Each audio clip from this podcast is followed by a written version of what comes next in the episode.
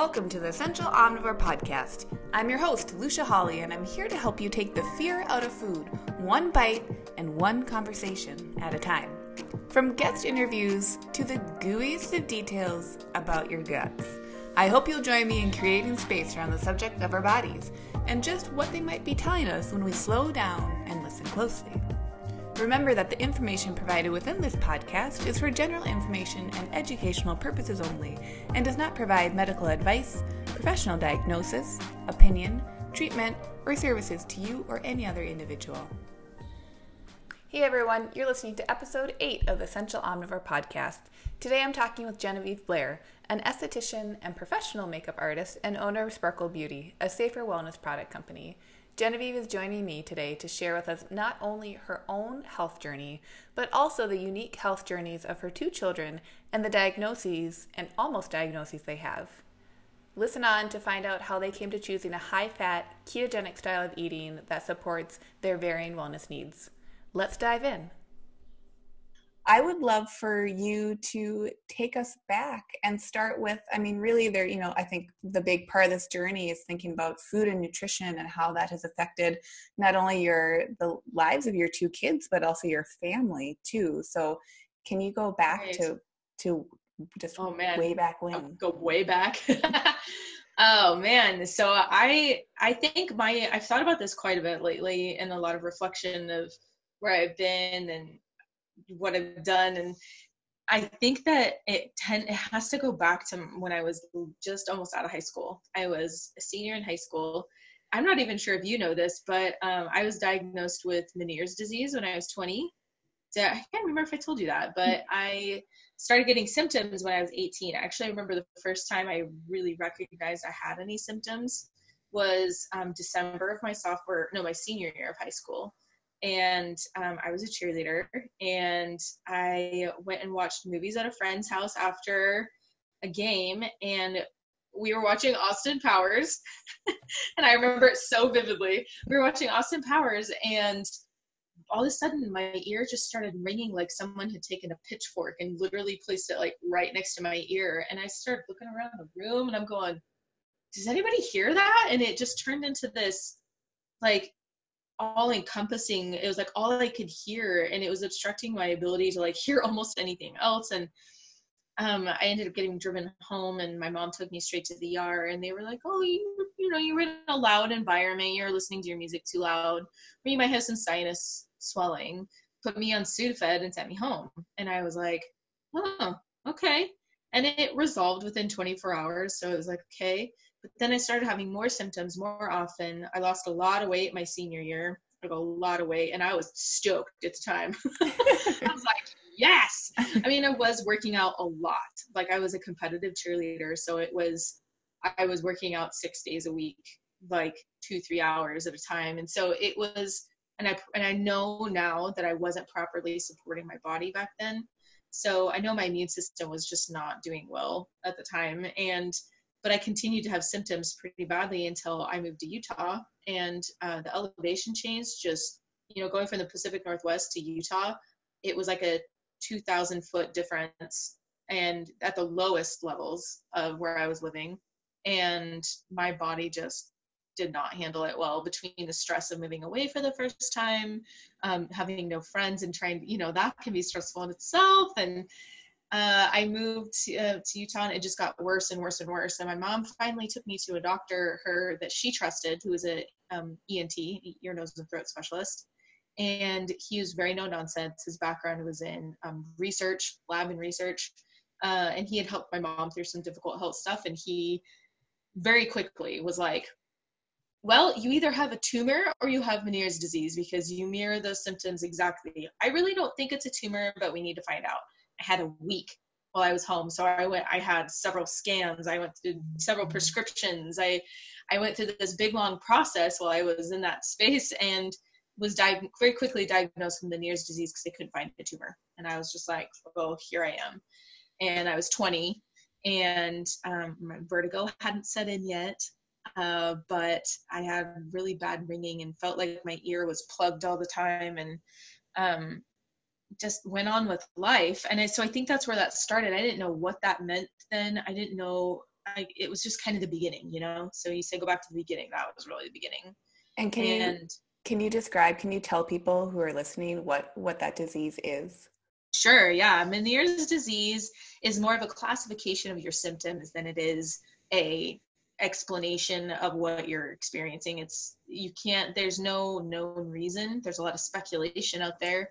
Um, a lot of research is pointing towards um, viral in nature. Bell's palsy is another very similar outcome. It's just mine affected my um, my audio nerve instead of my facial nerve. So, but they, there's no real p- cause. They can't. Everything checks out totally fine when you go get your scans, your blood work, but it just it's this debilitating disease that is degenerative. So you eventually lose all your hearing in whatever area you're affected with. It doesn't typically travel. Uh, it stays pretty localized to where it's um, been originally diagnosed, but you eventually lose your hearing, and uh, it vertigo is a huge part of it. And it's that was an interesting journey for me because I've never experienced vertigo vertigo on a regular basis. It was oh i stood up too fast or i have no i haven't eaten enough or but this was different. It was i really struggled with two different types of vertigo until i really got control of it and we can talk about that too because that was very nutritional based.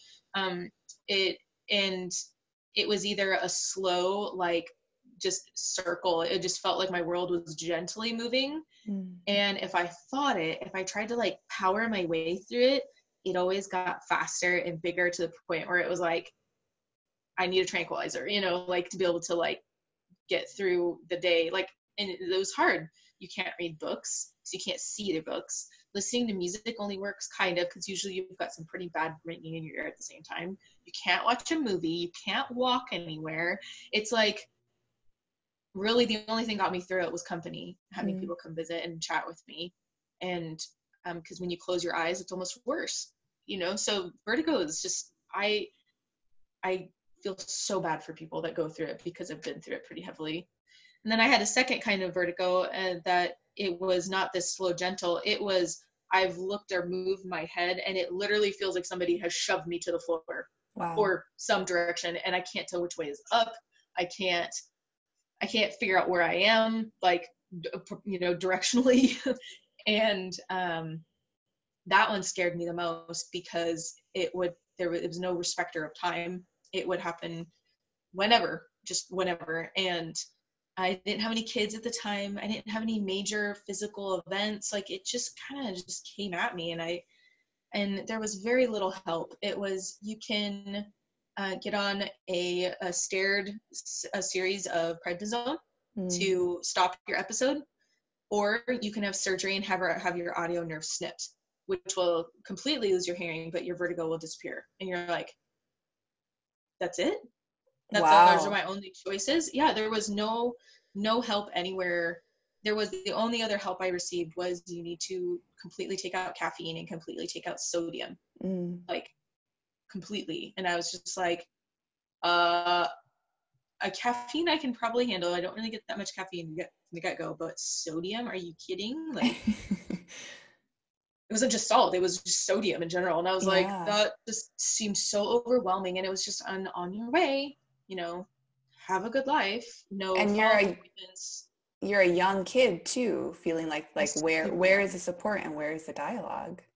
Right and my parents didn't know how to help me. They were so they were equally as confused and overwhelmed. And the idea of me losing my hearing was scary for everyone and I was told I would lose my hearing in my left ear by the time I was 30, and I'm 33, and it's not that bad. there you go. Yes. I've lost quite a bit of hearing. I really need to get my hearing tested again. But at the time of diagnosis, it was only a 10% loss, so it was barely noticeable at the time. But now it's it's pretty noticeable. But I feel like I have slowed that process down considerably and I have understood it more now than I than ever before. So uh, it was just um, an interesting place to be in as a young twenty something, and feeling like, am I losing my mind? I feel like there should be some support somewhere. Like everyone I talked to in the medical community was like, it's an old person disease, mm-hmm. and I mm-hmm. was like, So, in other words, you don't know how to help me. And they were like, at this point, you just need to modify your diet and do the best you can. And I just, I'm very, very, very lucky that I followed my intuition. I, I sleuthed things out early on. I have a friend who um, used to live near me, and she's probably only a few years older than me. And she has almost complete loss in one year and um, wears a hearing aid, which I'm probably close to that, but I haven't got quite there yet. And she, her pregnancies were horrific. Like, mm. couldn't leave the bathroom. Her vertigo was out of control. Like, she's like, I might as well have been bedridden, but it almost made it worse to lay down. And I just, I look at that situation and I'm like, geez, like, there's got to be something that can help somebody's quality of life better than that. You know, I finally decided to stop with the prednisone about a year and a half into it. I'd been on five rounds of prednisone in a year and a half. Wow. And I gained like 40 pounds and I was starting to not sleep well. Mm. Um, I had really, I had pretty debilitating anxiety and depression that uh, I didn't recognize as such back then. And it got in the way of a lot of things. I was a newlywed, you know, and I just was like, no more, like, no more. Okay, I will deal with this however I need to. And that's when I started to really realize that food was more important than I realized. And, um, but pretty quickly I got pregnant. Mm. And I think when you become a mother, things move exponentially faster and there's not enough time for anything. and so I uh, I basically went through my pregnancy in a very conventional manner. You know, I had an obstetrician that I worked with, and um, really did the best I could with food. But I was also working full time, and didn't have any real guidance in nutrition front other than the traditional standard American diet. And um, when my son was born, it was that is like my life was like this big blur for the first like six months of his life because his story is really when my my instincts kicked in. It was when mm. I was like, this is not right. Like there's something more going on and I really fought for more than just the status quo and whatever the doctors would tell me. I just I didn't take anything they had to say as gospel. I said, I wanted to know more. I wanted because he when he was born, he uh, he was born really healthy, so we had a great great birth story, and but very quickly, about two weeks, he was about two weeks old. He was starting to projectile vomit, which honestly is pretty common, not normal, but common. right. Right. Like that, I love that phrase. Like just because it's normal does or common doesn't mean it's normal, and that was his case. And very quickly, they put him on Prilosec and I got PPI. And I was like, that was the first inclination that I was like, this baby is barely out of my stomach and we're already putting medicine, medication in him.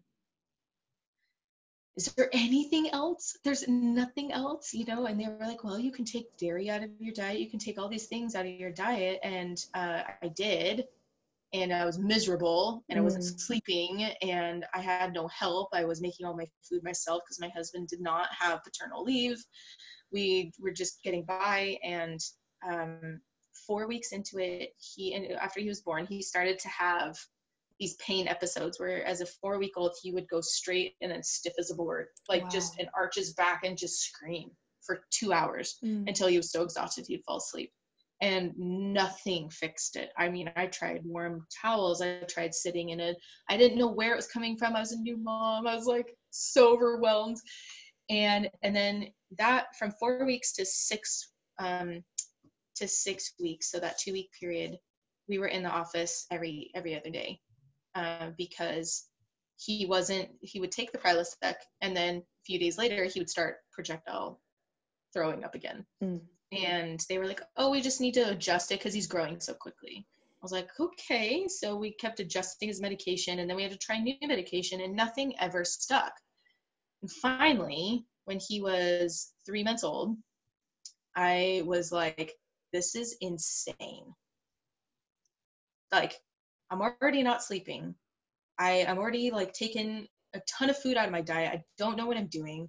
I don't have time. I mean, I remember leaving the grocery store with a full cart of food because he had a screaming episode and I couldn't bear it. Like I couldn't bear it. I literally looked at one of the employees at the store and said, "I'm so sorry, I can't," and I just walked away from my cart to my car because I was just like, it's overwhelming, and, and it's and again, it's all on you as a person in a new, very new and novel situation. Yes, and it was difficult. We saw probably nine different pediatricians in the same office because we were there so much. I was just seen by whoever could see us. And they were all mystified by him. They were mm. all, well, he could have pyloric stenosis, which is a problem between the valve of the stomach and the intestines. That opening there is the pyloric valve. Um, but he responds to the PPI, so that that's our test. That's our quick test to know.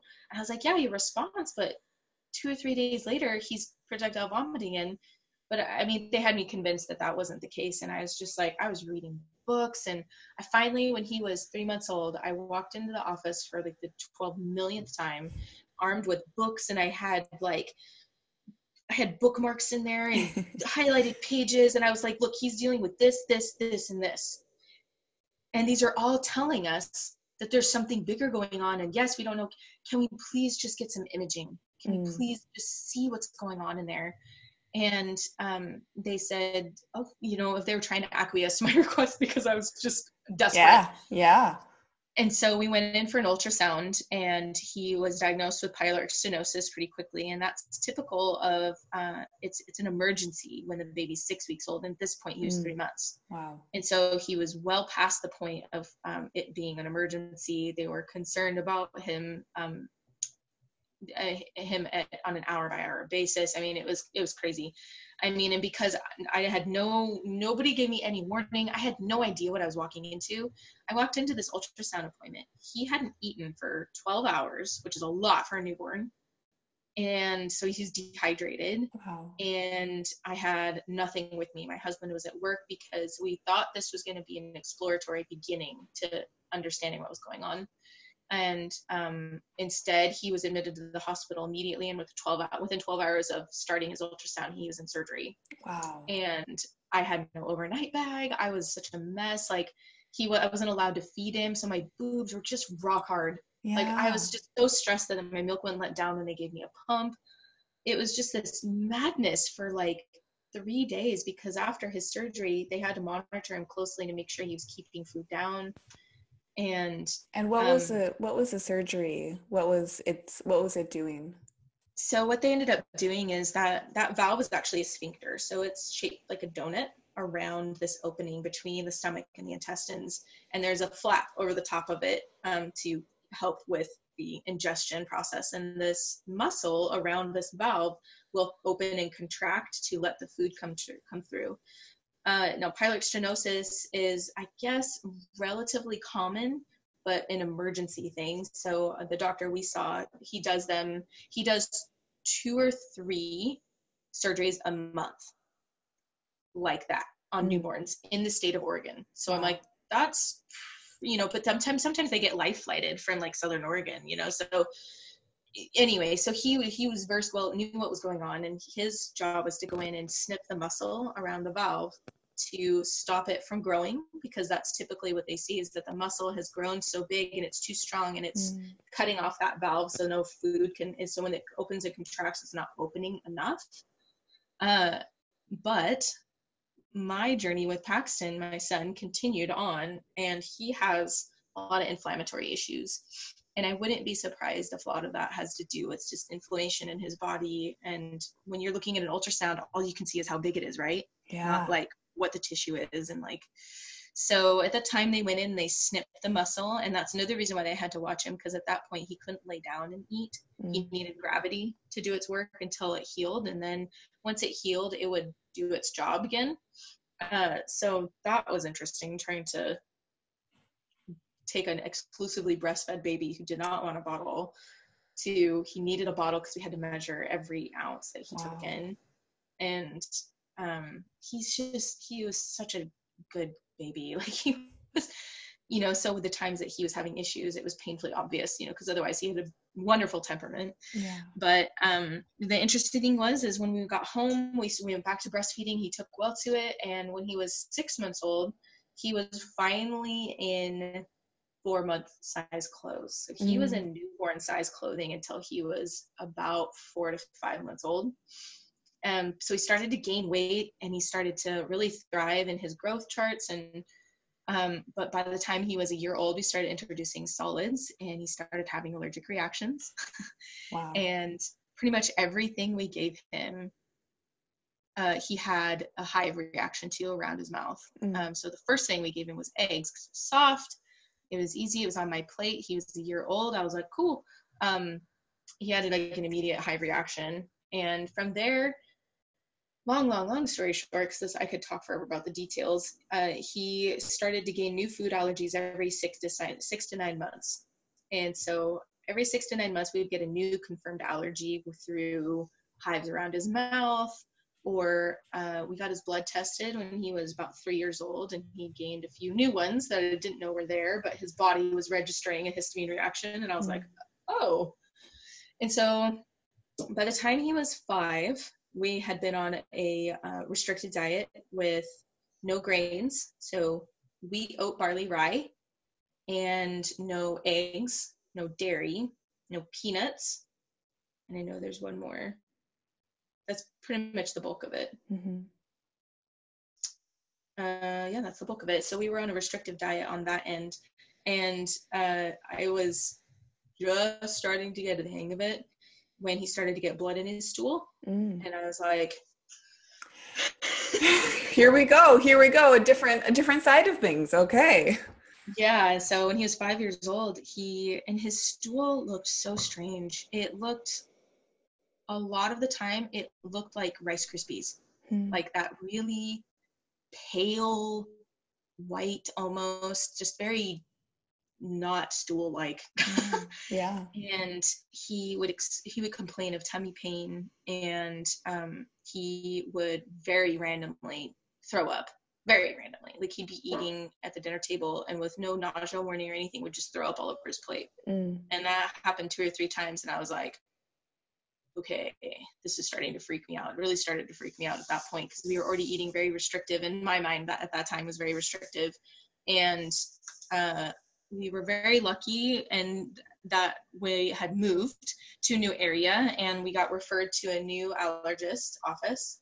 And we for the first time in the five years of my son's life and i don't even know how many providers we've seen i finally felt like i had a doctor that was listening to me. He spent three hours with me mm. in his new patient appointment i mean he had to come in and out of the room probably like four times to go see other appointments. But he was like, if you've got time, I've got time. And I was like, I got time. Yeah. I'll give you time. Yeah. I brought my binder of paperwork between Paxton's surgery, his blood work, his allergy testing, his I had all this paperwork to show him blood test of Paxton's that was two and a half years old and uh, said, you know, this elevated IgE level, which I'm not even sure what IgE stands for, but it has to do with inflammation. Like it measures inflammatory response in the blood. And he said it the zero to 100 was considered normal, and he registered at 256. And so he was outside the normal range. But interestingly enough, no one, I can't even tell you how many providers saw that blood test because I took it everywhere with me on all the appointments. And no one ever pointed it out to me. I didn't know what it meant. I didn't even know what the normal range was. Like, and zero to 100 is considered normal, and my son was at 256. And at the time, I was like, what the heck? Like, he's totally outside the normal range. Why did nobody tell me? And he said, well, to be fair, um, most doctors are not going to be alarmed unless it's in the thousands because that points to cancer. Otherwise, it could have been simply that he ate something his body didn't like that day, or because it's just a snapshot in time, right? So uh, he's like, to be fair, they probably just more alarmed by that number. He's like, but this is a breadcrumb worth following, along with all of his symptoms and his history. Uh, I really want you to find a pediatric GI doctor that you are comfortable with, and I will refer you to anyone you want. And I was like, okay. yes, please. Yes, sir. And so uh, I went home and I immediately went crazy. And he had mentioned eosinophilic esophagitis disease as a possibility. So I made him write it down because I was like, what? when he first said it. And I went home and I researched like heck, trying to find anyone or any information. And I still wasn't sure that my son had it either because he didn't fit in a nice little textbook case of eosinophilic esophagitis disease. But that's been him his whole life. He's never fit anything perfectly. And you and so can you describe a little bit about that disease and what what that yeah. perfect box might be? Yes, yeah. Eosinophilic esophagitis disease sounds like a mouthful, but it's a description of eosinophils, which are a type of cell that travels usually with like white blood cells, um, histamine reactions, anything in an inflammatory state has eosinophils in it, and it's part of the um, immune response. Uh, they're still learning a lot about eosinophils because they, this disease has only been in um, classification for about 10 years I think it's been 12 years, I think, at this point.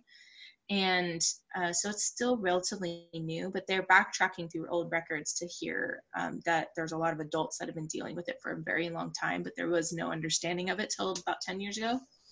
So it usually deals with uh, swollen esophagus because you can have eosinophilic esophagitis or eosinophilic gastritis you can have it of different parts of your intestinal system. Uh, it's usually localized to one part. It's not usually full system. Uh, and they can measure that because uh, Paxton, when he was diagnosed with eosinophilic esophagitis disease officially, we uh, were able to see this wonderful provider that did a, a full scope. He did an um, endoscopic and colonoscopy um, scope of his esophagus, like upper GI, like everything. And he biopsied all along the way to make sure that he had covered all his bases. Came back with his biopsy results that he had six times the amount of what's considered normal of eosinophils in his esophagus, but everywhere else was clear. There were no polyps, there were no ulcers, there were no no um, any issues of any kind elsewhere. I I honestly cried out of just total relief so, because it's the first time in six years since I'd had him that we really had definitive results on something. Right. And uh, so a lot of his symptoms stemmed around. It's very, you know, this is why I didn't think he had it because a lot of the symptoms are trouble swallowing, um, clearing the throat a lot, kind of feeling like there's just something stuck in there. Um, but in children, it's especially difficult because it can be simple as being a picky eater mm. because things feel weird going down. It could be throwing up, but let's face it, toddlers throw up, you know? It's like it could be um, it could be choking on something more than like once every six months, which again, toddlers like right, little kids. yeah, little kids. And uh it was just such a um, it was a relief to have something definitive because there was at least a direction to take. So his Paxton symptoms were much less severe than some children's. Um, he didn't have failure to thrive. He was very small and he weighed a lot less than most kids his age, but he never dipped low on the growth chart. So mm. this is where having an accurate record of his growth was super important because because like honestly like my youngest we don't go to the pediatrician that often because we just I, I, it, there's no reason for us to go because we see a naturopathic provider and you know right. so we don't do the wild child checkups every three to six months but in paxton's case it was key to understanding what was going on with him um, having an accurate record of where his growth was. So, and finding out how in danger he was, because a lot of kids that have eosinophilic esophagitis or EE, I'll call mm. it EE now, um, they deal with, uh, they can't eat food, period, for periods of time in their life. And that has been a very scary thought for me. They wear um, external food bags full wow. of a fluid that is custom to their health markers and things that their body needs. And um, they have a port on, the, on their stomach, and they completely bypass their um, esophagus. And for a lot of kids, it's very just as needed basis. And as I started to learn about this disease, I was like, really like steeling myself away of like, okay, we're going to make this work. we're going to find a way to, so we're going to get him activities that'll still keep him distracted and happy. Like, and I can't tell you what, how my world was rocked trying to realize that it would be difficult for my son to sit down at a meal with us if he couldn't eat too. Like, mm. like that really rocked my world. I didn't had no understanding what food meant to me until the almost the option of it was taken away from my son, and it was uh, almost too much for a very long period of time. There was probably a good year where I was like, okay, I just you know he scoped every three to four months because they needed a biopsy and watch him and then trial and see if he did well on the medication and um, every time we scoped I was like please, please help him stay in remission because I just couldn't bear the idea of putting him on a food bag. And we're very, very lucky. I belong to a few uh, organizations on Facebook for support for um, EE because there's some people that have it much worse, much, much worse. Mm. And uh, a lot of times it's familial a lot of times you find mothers get diagnosed the same times as their kids and so they're going through the same thing at the same time with slightly different needs and medications and i'm just like oh my word i just it's just pretty intense and so we're very very very fortunate that he responded well to his medication which was an interesting thing for me his medication is actually flovent mm-hmm. but instead of instead of spraying and, and breathing it in like you would for asthma, he holds his breath, sprays it, and then swallows. And he does it a second time as well. And so, um, and that basically creates a, a like a topical steroid situation for him. And honestly, I was like, nope. After my experience with steroids, I was like, I'm not doing that to my six year old. Like, and I'm very fortunate that both my providers didn't shove it down my throat, but they gave me a lot of um, literature and they said, you know, this is the safest way for him to go. If he responds to this, he could do this indefinitely. And his absorption rate into his system is like 0.4%. Mm. And so it's very small. It, his body will barely register it, but it could be life saving for him because you deal a lot with food impaction. You deal a lot with um, scar tissue in ring form. They call them strictures down mm. the esophagus. And kids need surgery to release the strictures to get the food out and you know he was already going under every three to four months for scoping i was just like okay like let's just at that point i had to let go and trust the providers which was really hard for me yeah because we just had so many bad directional support before then but um, right it, it yeah it had well it had been on you to right. to continue that path instead of the providers who it sounds like historically weren't really able to give you much information or they say well maybe go see someone else shrug question mark so i'm sure yes. that must have been incredibly challenging to say okay we're actually going to partner together at this period yes. And and see what's going to happen what's interesting about that is um, the immunologist that we worked with, he was excited about the doctor we found because he was younger. He actually said that EE was something of interest in him in his professional life, which is rare. So, and he's really partnered with us. Like he responds to my emails when I'm not in his office. He he genuinely he knows us well enough now that when we see him, he's like, "How's it been going?" And he can ask my son, "How you been pooping?" You know, like they get to have a little report together. yeah, like I just and I can't tell you how wonderful it was to have a provider. He's a DO, but he's working in the um, he's working in a traditional pediatric GI office. He uh, physically evaluates Paxton every time we're there. Mm-hmm. He goes in and he feels and he touches and he wants to know how he's doing and he has record of you know issues that he might have had in other parts of his body that could have been causing a backup to the rest of his system and it just I can't I've I it was really difficult for me to like let go and let him guide the situation and I've still had to put my foot down a few times with him. He wanted him to be on Miralax um, indefinitely. And I was like, no way. I am not putting propylene glycol in my child daily right. for the next foreseeable future. Right. And I was like, there's got to be another way. I know there's got to be another way. And uh, came home and that's when i had a lot of i had just met some of these wonderful people in my life which is how i met you a lot of the ntps in my life now are just instrumental because i came home from that appointment and i was like i know exactly who to talk to and i went straight to cassie knable and i said cassie i i cannot in good conscience i know what propylene glycol does to the skin i can't do it and she was like no no uh-uh so we we really um, we cyclically put in um, magnesium and vitamin C, and we change those levels. We I don't always use vitamin C. I don't use magnesium because we don't want his body to get used to it.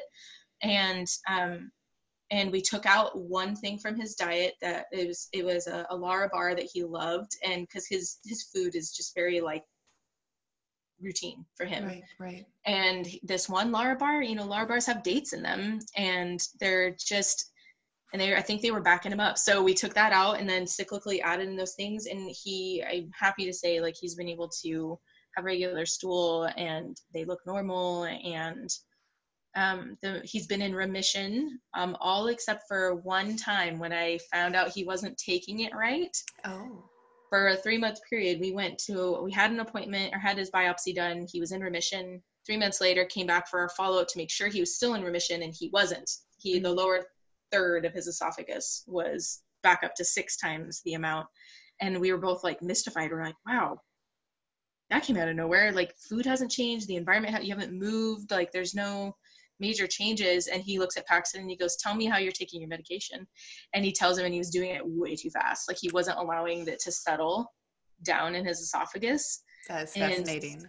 And isn't that fascinating? And so, as a test, three months after that, we came back and we I, w- I made sure that I was always right next to him instead of walking away, and um, we counted, and it was very precise. You know, we wait seven seconds before we do the second one. You know, and and he went back out of into remission, and so it's just health management is more than just for people with immune issues. Right. You know, health management has to be something that you're constantly looking at, and that's something that this has taught me is that even if you aren't having something life threatening or um, debilitating um, just managing your health has to be a very like you have to know how your body is and you have to slow down long enough to understand how you're feeling because i looked at him in that period of time and i could tell something was up mm. he started to have like broken capillaries in his cheeks which is like always been a signal to me where i'm like something's going on like he's inflamed somewhere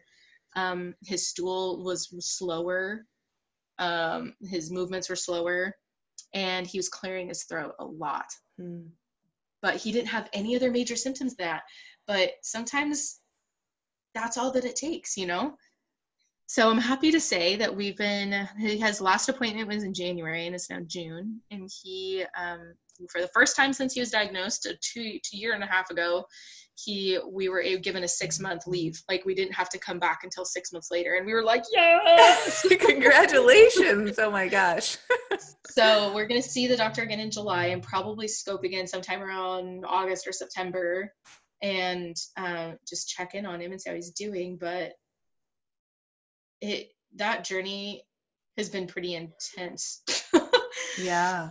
You know like i and in that time i had to get really comfortable in the kitchen because convenience was not a thing anymore. It was you you make everything from scratch. You if you find a bit of convenience you cannot overfeed it to him because he'll probably develop an allergy to it. Mm. And uh, so it just which is crazy like i did not like being in the kitchen before i had kids i was a terrible cook i was good at baking which that's a whole nother journey trying to get into baking with yeah. like grain free food. right. And during this time with him, you know, what what was also going along for you and your health? How was that? The focus had to be on him, right? Yeah, but there was good question. You're still around too.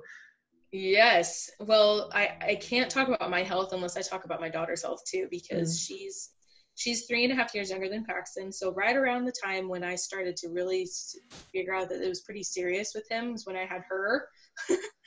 and um, when she was two, so almost the exact time for her, it was an interesting scenario because the same time that Paxton got diagnosed with EE, uh, about three or four months later, I was like, something is really wrong with her. But her symptoms were so different. And I was like, I, what? Okay. and she was like Dr. Jekyll and Mr. Hyde. And you think, okay, terrible twos, you know, whatever. Um, she had great bowel movements. She uh, she didn't throw up like Paxton. Like literally, her symptoms were nothing like his. But she had she was very very bipolar, like super sweet and chill, and then like I want to like rip the walls down. I hate everyone. Like I and she was very good at communicating verbally, mm-hmm. and so I knew that wasn't a huge issue for her because she could tell me exactly what she needed, when she needed it, why she needed it. You know, like she at a very young age. Uh, and so it it really dawned on me that something was really up when um, one morning she got into bed with me and she was probably about like about a foot from my face in the bed and her breath smelled so gross. It was like mm. sickly sweet, like like I can't I don't even know how to describe it. And I was like, whoa. And she was far from my face. And I was like, dude. And we had just moved. And so we hadn't seen a new provider yet. Um, we had just switched insurance. So I was like, still we and we weren't seen anywhere so i called the emergency nurse on the back thinking like um okay maybe she's got some sort of bacterial thing that needs to be addressed at like an urgent care like i didn't know what to think and she asked me some of the strangest questions. She said, well, to me, it was strange at the time. She goes, So I'm going to ask you a few questions, and I know they're going to seem out there, but just answer them to the best of your knowledge. Um, does she drink a lot of water? And I was like, yes, actually, she drinks. She goes through a, like a 16 ounce sippy every few hours. And she was like, okay, does she pee through her diaper? Does she pee through her diaper? And I was like, yes, like it's difficult to keep her dry at night. Um, and then she said, "What is she like when she wake up wakes up from naps?" I'm like, "Oh, it's like a half hour of my life has to stop to calm her down, like get her used to her and might wake her up." You know, she never woke up happy. Um, and then, and she said, "Well, does she uh, does she seem to have seem to have like really strong mood swings?" And I was like, "Yes." And I was like, "Okay, so." I feel like I've said yes to a lot of things. So what? and she goes, I don't want to alarm you, but she's exhibiting a lot of diabetic behavior. And I was like, what? I, I, had, I felt like I had been so entrenched into what Paxton was going through with food allergies and histamine and immune reactions. And to be able to have somebody say something about diabetes, I was like, I don't have diabetes in my family. I don't know anyone that deals with diabetes. Like, I was just totally dumbfounded. And I said, Well, what do I do? I'm like, her pediatrician's office has us on a three month wait for new patients. And I was like, they won't even talk to me on the phone because I'm not a patient yet. And I was like, do I go to an urgent care? And she goes, well, you have two options. She was so calm. she's like, well, you have two options. You can go to, um, you can go to an ER and they'll check to see if she's in immediate danger, like close to a diabetic coma. And I was like, what? I'm like, okay and she goes, or you know, you can go to like Walgreens and you can prick her finger and start keeping your own records. Um, this is the normal range you want to look for. She's like, it's really up to you because once they take her blood levels, the only thing they can do is mitigate any immediate symptoms. But other than that, they're going to refer you back to her provider for care. Mm-hmm. And I was like, okay. So we went to Walgreens. like, and because I, I really did not want to introduce her to the ER, I didn't want to be there if I hadn't have to be. And and we pricked her finger three times a day for two weeks, and which sucked.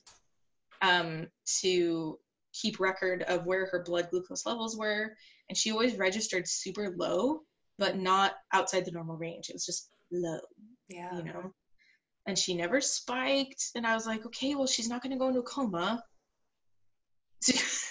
you know, and by the time we, and so back up. So what I ended up doing was doing a ton of research on because I was starting to see results with Paxton with food.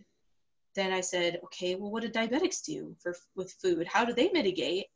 And uh, the keto diet came up over and over and over again. And um, this was it'll be three years this summer.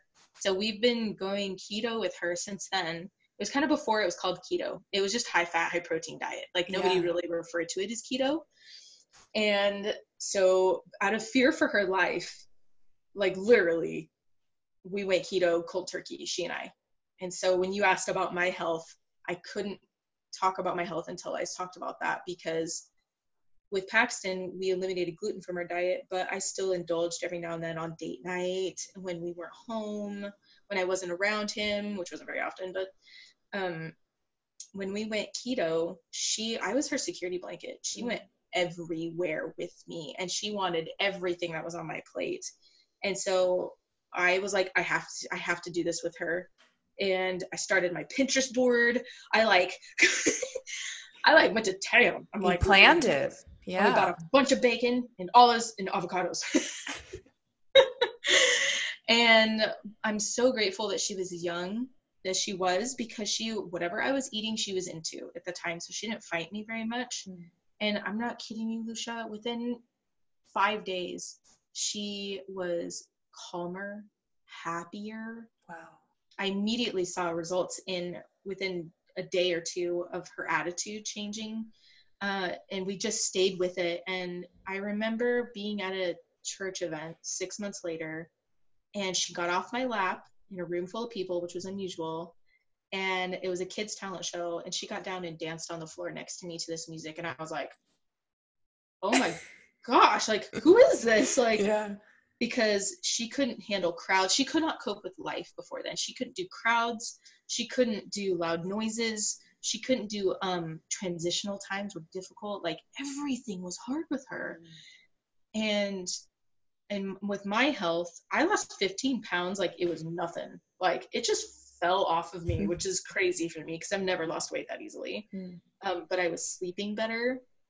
My my menstrual cycle was more regular. I didn't have difficult time with um, pms and cramps. Like i mean it's like everything got easier but I have to tell you, I wish that I would have known who Diane Sanfilippo was because I had the worst detox period. I had a two week period where I was losing my mind. Like, wow. talk about keto flu to the max, sugar detox to the umph degree. Like, I was.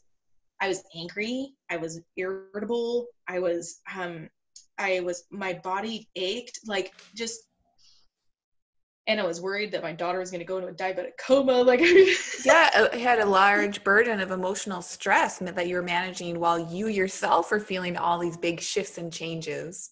Yes, and I was the only one in my house doing keto with Lucy.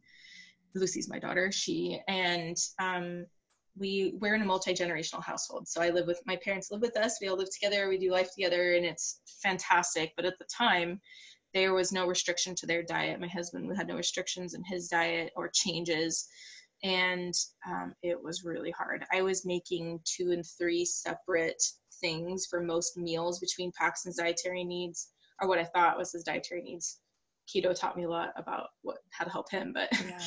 um, and I'm I'm happy to report that my parents eat your keto now too and my mom has lost 45 pounds. She's gotten her Hashimoto's under control. Wow. My dad's lost almost 60 pounds. Like, and I can't even tell you, I feel like they've added 10 years to their life. They're more vibrant, more active, like, and they're not even that old, but you know, they're in their early 60s. Yeah.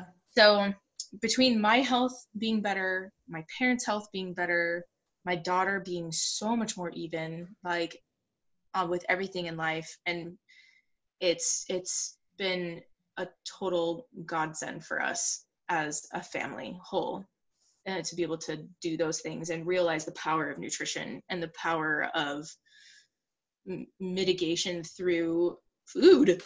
And i would say the power of listening to your intuition because I it sounds like this is where a lot of that came from is that you had to rely on yourself to figure it out Yes, and I was telling you, like we had gone to Summit in what was that? Was that a, it was over a month ago. I finally, for the first time in my life, feel like I have found my tribe of people, mm. like people that care about the food that they're eating. They do their own research. They they're looking for solutions, and I, it was such a lonely time before that. Like I was, and I always felt like the weird person because we would go to Easter egg hunts, and both of my kids have peanut allergies. And Lucy popped something in her mouth before I could even like kibosh it, and it had peanut butter in it. And so she immediately had a hive reaction. We had to bolt home, and people were like, Are you okay? And I'm like, I'm so sorry, we have to go. I mean, between that and between um, Lucy being fed um, six sugar free lifesavers in her Sunday school class at church, and then her throwing up all over the floor. Oh my gosh. and me being like, I told you. Yeah. What did what did we all expect here, people? I mean, I, I'm not going to turn to this dragon lady that walks around and, and like swats food out of people's hand. I'm, I'm telling you, like, you're going to see a change in her. And if you don't, I will. And then you're going to hear about it. Right. Like, it's food is a big deal to both of my kids. Yeah. And you know what's been crazy has been watching other people's kids in this scenario and seeing so much in them that could be helped with nutrition, proper supplementation. I mean, I'm talking like these poor girls going through pre-puberty. Like, oh my gosh, my mom teaches piano. Mm. So she's a lot of kids coming in and out of our house in the afternoons, and there's some of them that I get to like kind of hear and watch their journey, and I'm just like, puberty's rough. this is right? tough. It's tough yeah. to see. I can't even imagine how tough it'd be to be going through it. I know. Once is enough for me. Thank you very much. and so I just, I don't know. I look at how many people could be benefited from this, from just mindful eating understanding your body to you, not to that person or that person. Mm. You know, understanding how your body reacts to things. Like my husband, he can indulge a lot more than I can. Like when I indulge, I regret it or I know it immediately, like pretty quick within a few hours. I'm like, yep, oh, okay, there it is. You know? and so everybody is so different. Their genetics are different which actually that brings up something interesting worth talking about my um, after two years of trying to manifest a good healthcare provider for my daughter because no doctor wants to work with us because she doesn't register crazy on the blood glucose level. And I'm like, but she literally is textbook except for her blood glucose levels. Does that not tell us there's something that could be done? So she's textbook you know? for type 1 diabetes, type 1. except for that level where she's not low or high enough and she doesn't spike heavy but i've i've actually connected with a few people whose children have been di- diagnosed with type 1 in their preteen years. Like i'm talking 10 11 12 and i've been connecting with them and a lot of similarities. And i'm like okay she's four. She's almost five. I've got time to at least help her body or at least make sure that it's not she's not going to die for me to find out that she's diagnosed with type 1 which is what would have happened. Like because all the doctors are like well she's registering fine on her blood levels. Her um she's not spiking crazy. We're we're not worried about her. And i'm like i'm worried about her. Yeah and and you're noticing these other signs and symptoms that are beyond just the glucose levels. Right. And uh, so i've been trying to just bring some provider into our life that would monitor her or help me understand how to monitor her and look for signs and uh, i was referred to a naturopathic uh, she's a, uh, like a family naturopath but she specializes in um, midwifery and children mm. babies and children and um, women pregnant women and i was like okay, well, she's five, so she's still young enough. I think that's worthwhile. And I got to tell you, we went last week for the first time. It was an incredible experience. I went in and did the same thing. I just almost word vomited all over her. Like, this is what things have been like for her and for me. And I'm so excited because she's like, okay, this is what we're going to do. We're going to, um, instead of spending the money on imaging, because all that's going to do is tell us whether she's got a normal sized pancreas or that she's inflamed or not. And I think you would know by now she was. She's not complaining of pain. She's not, you know, so we're doing a full mock up of her DNA. We're doing a 20, 20, 23andMe kit, um, full mock up. And then based off of her results, we're going to start doing some blood testing based off of those results. And I'm just like, that makes so much sense. that makes so much sense. And I don't know how to completely read a 23andMe kit, so it seemed excessive because I don't. I'm like I don't know what to do with it once I get it. I could have gotten it by myself, right? But it was. Uh, so we received it in the mail a couple days ago, and we're gonna. I have to find time when she's because I mean she has to fill up probably. They said it was half a tablespoon of spit. I'm like, what? right. This might take a second. yeah, and you're not allowed to eat or drink anything during that time. And I was like, okay, so we're trying to find time, but I'm I'm so anxious to see what they find. And I feel like that's great because that'll give us a great starting point, snapshot of what's going on with her, and then allow us to decide where to go with blood work. And so, because I, I also know how heavily our DNA is affected by our environment and by meaning our food, what we surround ourselves with, chemicals, just all the like.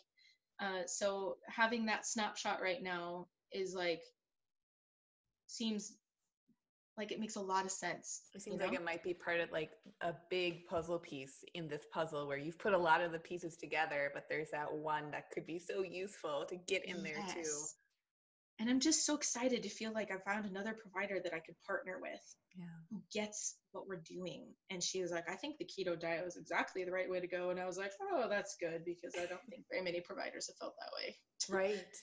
And because i mean i understand. It's probably not talked about in children enough. Like i couldn't find any information on keto diets in children. Nobody thinks that it's necessary but uh, it was necessary for her.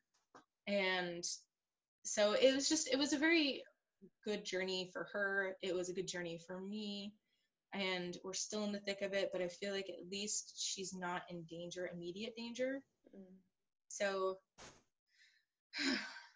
that's the short and the long of it yeah how does it feel these days? I mean, so just very recently, then you have found this practitioner who so far you feel you're really meshing well with. But again, if we come back to your personal health too, so you went on the keto diet, you dropped some weight, some seems like it came off, inflammation sounds like it reduced. How about the Meniere's disease and any of the signs or symptoms there? Oh man. So what's interesting about that is through this journey I have found myself having great results from things that were actually meant for my kids you know like we started doing magnesium and vitamin c together um, because i it's just it's just when my kids are doing something i want to do it too because i want them to see an example of somebody who's doing it too or you know want it to i want it to take hold in their life i don't want it to just be like oh you know i'm temporarily doing this so for me uh, my Meniere's disease, I haven't seen a total resolution because I think that it's going to be something I'm going to manage the rest of my life.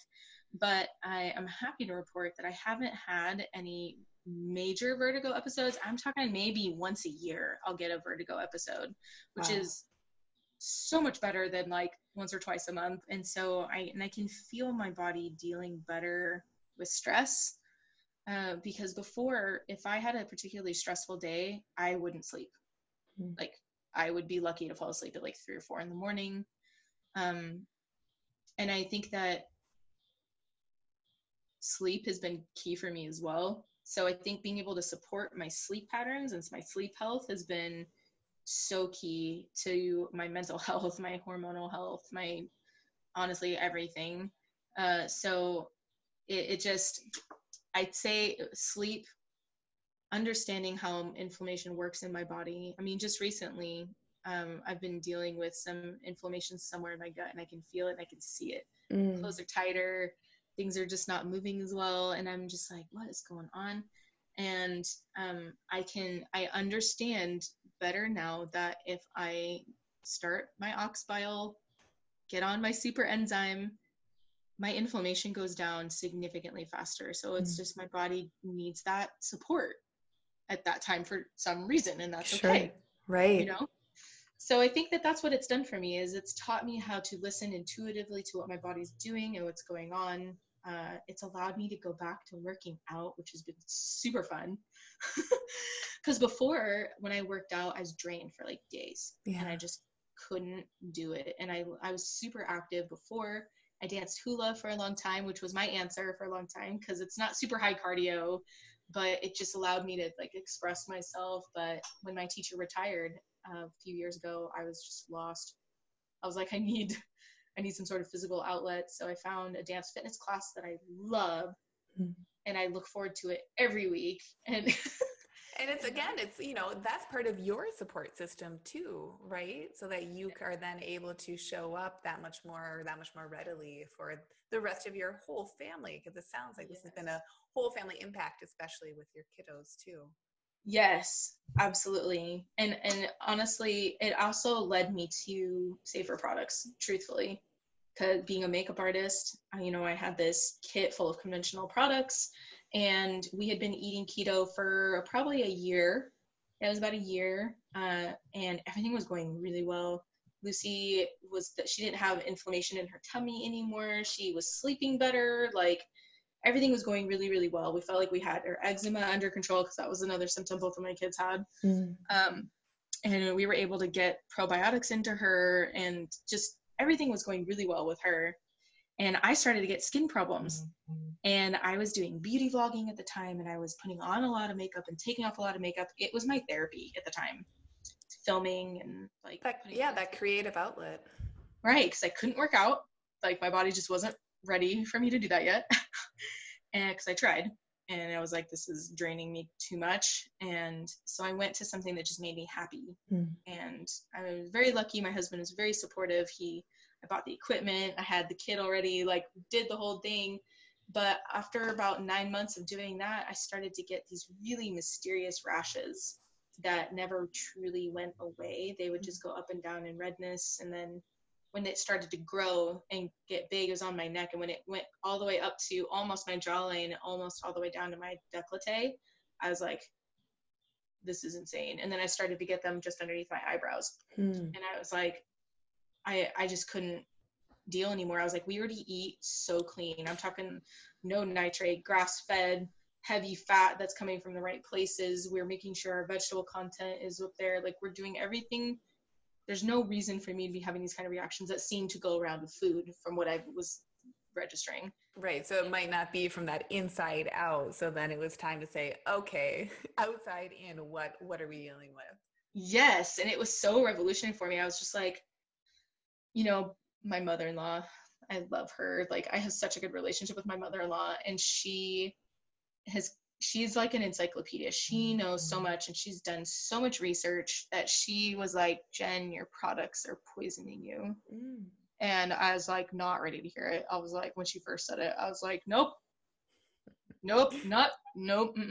uh huh. Yep. Sure. Bye yeah, yep, sure. Thanks for the info. Love you. Okay, bye. And I it took me another three months of trying to mitigate my own symptoms. And with my aesthetic background, working at a med spa, that's what I did for a living. I did like I want to get you results on your anti-aging. I want to help you with your pigmentation. I want you to deal with your redness that's ruling your life. Like, and I couldn't fix my own problem. I was like, this is not cool.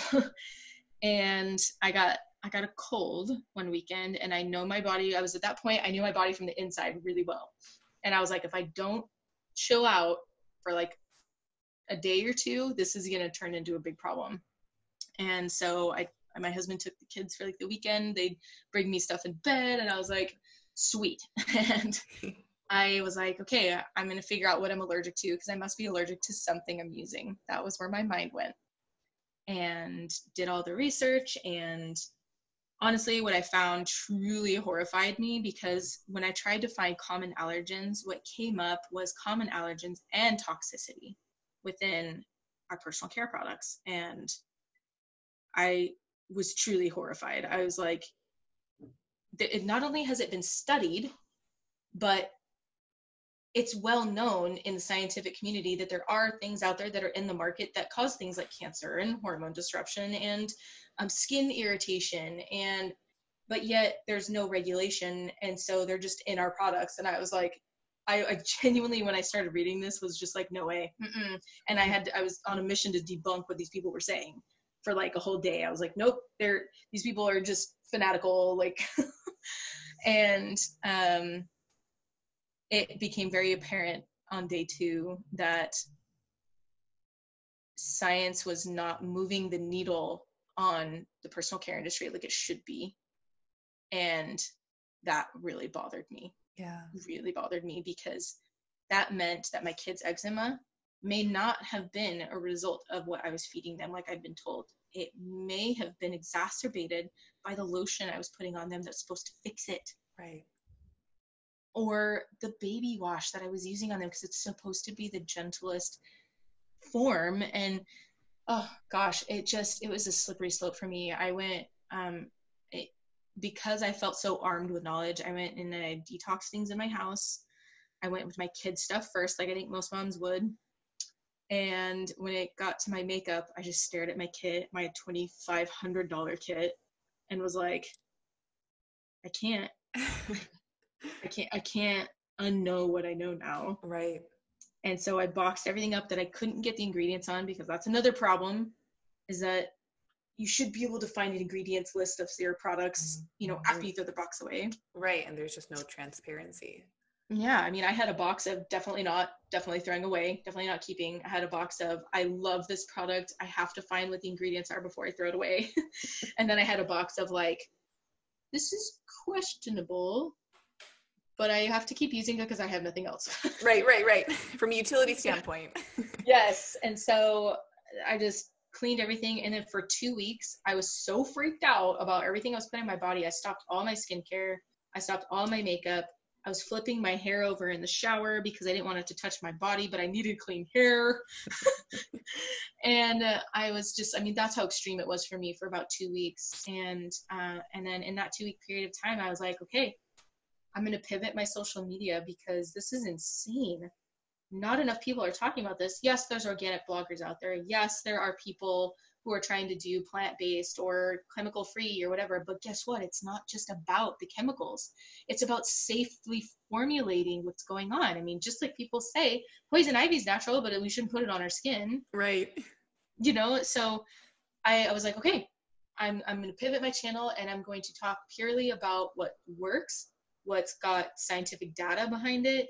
And I was going to get into the nitty gritty. And I went on a mission for like six weeks. My mom, bless her, drove me and Lucy were all over trying to find all these little boutique products that I'd read about online. I was having things shipped to the house and then returned because they didn't work. And it was just six weeks of like, I'm, I am going to find the good stuff and then I'm going to talk about it on my social media. And uh, that's when I found Beautycounter because I found Beautycounter through the packaging on the hashtag non toxic beauty. Oh my gosh, and that's so interesting.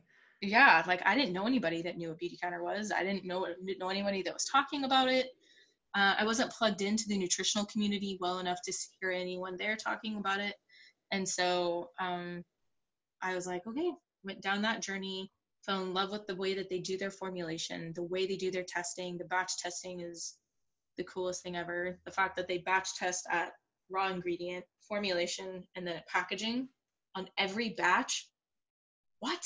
yeah necessary who else is doing that yeah and very powerful because that's what you see you know it's like if you think about food and food packaging in the food industry from that safety standpoint there's that way more um, just that's being looked at per batch but with something that we're just applying topically conventionally maybe the maybe the first batch is tested right with a new mm-hmm. formulation mm-hmm. and then from there they say okay stamp of approval yeah, go into market it's safely formulated. It's like, well, but hold on. Like I I'll never forget this this is was a really powerful story for me because it, it really solidified the need for batch testing several times along the way. Uh, Beautycounter has one product called Rosewater Mist. It's literally like rose water and like I think it's deionized water or, or mineral water in it, and that's like it. It's a very simple product formulation wise and they were doing their normal batch testing and it came out that it had arsenic in it all of a sudden. And it had never come positive come back positive for arsenic and they were they paused they took it off the shelf. They put out a statement and said this is where we're at. We'll bring it back when we can find out the solution. And they went back down their manufacturing chain i mean i'm talking the people who supply the bottles to the people that fill the bottles to the people that source the raw ingredients they got all the way down to the rose petal farmers and found out that they were putting the rose petals in plastic bags and then setting them in the sun for like 20 minutes and that that was leaching arsenic into the rose petals and then the rose petals were you know condensed down and so what was left a condensed form of arsenic Gosh. that was isn't that bonkers? Right. But those are the things that we need to be thinking about when we're yes. opting to be putting on these these ingredients. Exactly. I look even at clean companies and I'm like, are they doing any heavy metal testing? Because that is huge. Are they doing batch testing to make sure that things don't sneak in? Because things sneak in. Beauty counters done that over and over again where things just happen and you're like, where did that come from? yeah, yeah. And so once learning about how Beautycounter does their formulation, I just couldn't I couldn't sit by and do nothing anymore. And that was kind of the birth of Sparkle Beauty that's my my company that I sell um, products on Amazon, and we start and we're we're in the charcoal whitening teeth whitening space right now. So we have a product, a powder product, and a paste product, and a charcoal toothbrush, and um, that stemmed from trying to find a safer toothbrush for my husband and my kids, because my husband has um, all his life has suffered with um, gigantic canker sores in mm. his mouth I mean, to the point where it's difficult to talk sometimes. And they would be, they would stick around for a week and a half, you know, made talking, eating, anything difficult. And um, when I learned about SLS, sodium lauryl sulfate, I was like, this cannot, why is this in products? So, so sodium lauryl sulfate has been proven to break down soft tissue in scientific study. And you can find that in the EWG. That's how I found it, the environmentalworkinggroup.org and look up uh, sodium lauryl sulfate. And it shocked me because that is the key ingredient in the foaming agent of conventional toothpaste. Mm. I'm like, why is SLS in toothpaste then? That's do they okay? They recognize that this is soft tissue and they recognize that some people accidentally swallow some of it, right? Oh, yeah, right. And that we're basically dosing ourselves one to two, maybe three, depending on what type of brusher you are, multiple times per day. How yes. many days a week? Most days per week. Yes, exactly. And our children who have these tiny little bodies, so their toxic load buckets are tiny. Mm-hmm. and I'm just like, this is insanity. And I, I went immediately to like my Whole Foods natural grocers and just, I was like, I'm to find something better for them. And I was honestly really angry when I saw that it was not a thing in our natural food stores. I'm like, so you telling me I can't even go to what's supposed to be a safe place to shop and buy something safe? What? and I had started using, I found a brand of turbo toothpaste that I liked, talking to my brother about it, and he's he was looking for an, a business to invest into and he was looking for opportunities to bring products on Amazon because he'd done a lot of research. And it, I was like, I love my charcoal toothpaste. I really do. I love the ingredients in it. Uh, yes, I could make it myself, but I don't want to. Right. You know, find sure a little bit of convenience where you can because the rest of your life also what else is going on? You're cooking, yes. you're keeping tabs on all these different health markers. You've got a lot on your plate.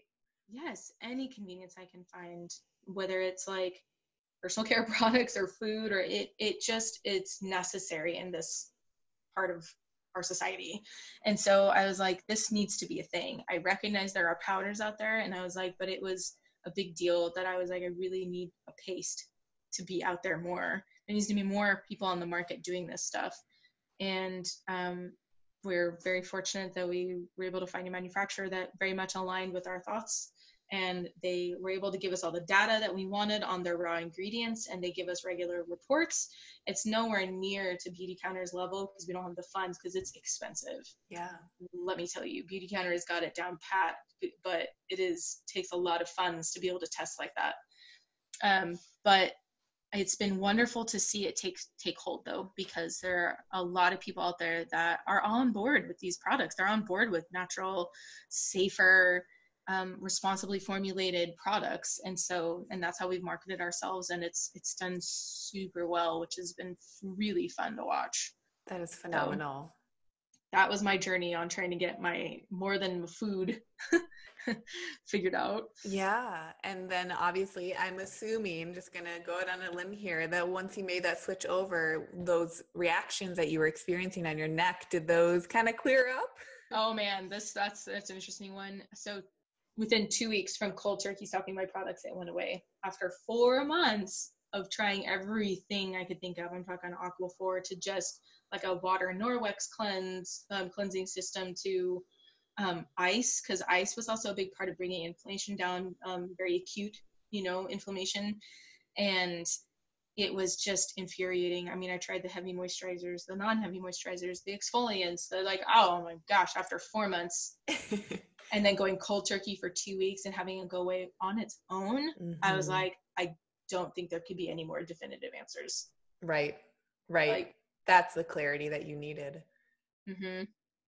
So I'm happy to say, and it was really interesting to see this last winter because this last winter would have been the first time it would have been my year anniversary of getting those rashes or whatever you want to call them. And I was like, all right, Beautycounter.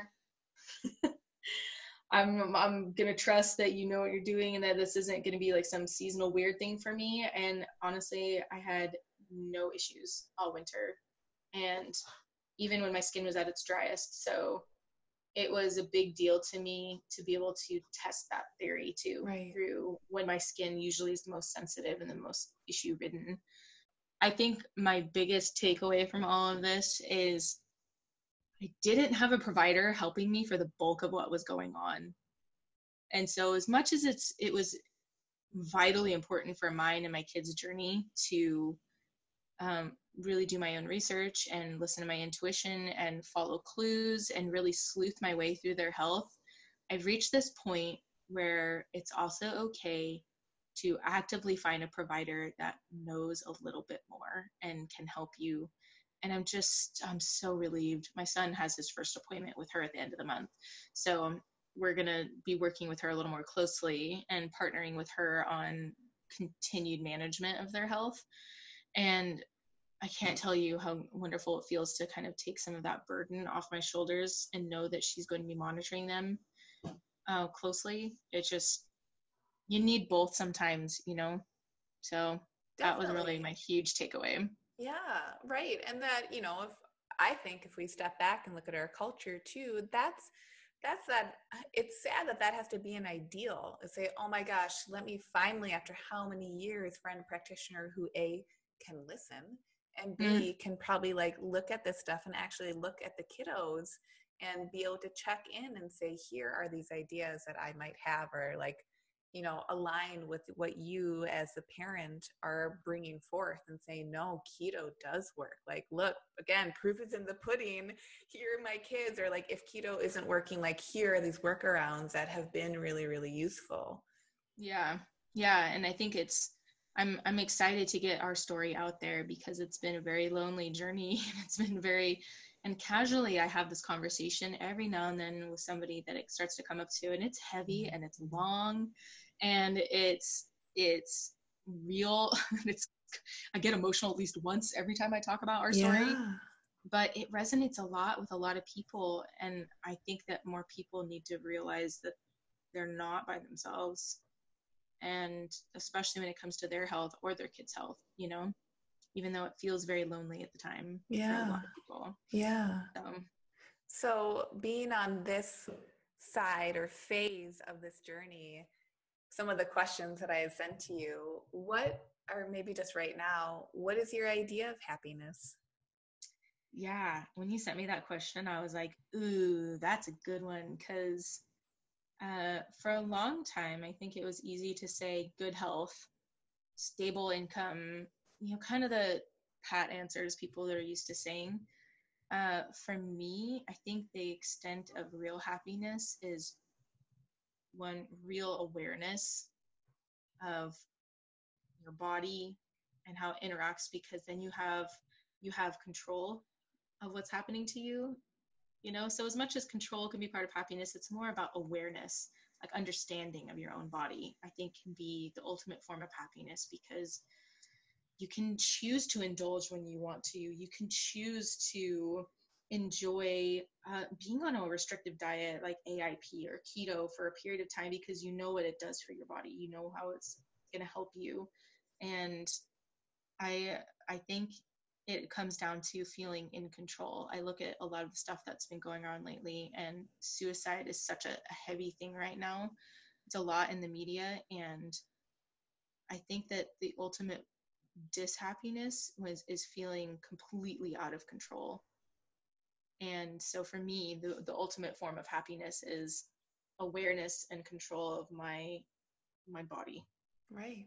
Awareness and control and that it sounds like you can then have that informed consent whether it's a you know a dietary choice or something beyond that where you can say this may make me feel great this may make me feel bad but i'm here to like check in with my body and see and go from up. there yeah i know yeah, what's up. or, or, i know how to support my body so i can indulge in that you, you know?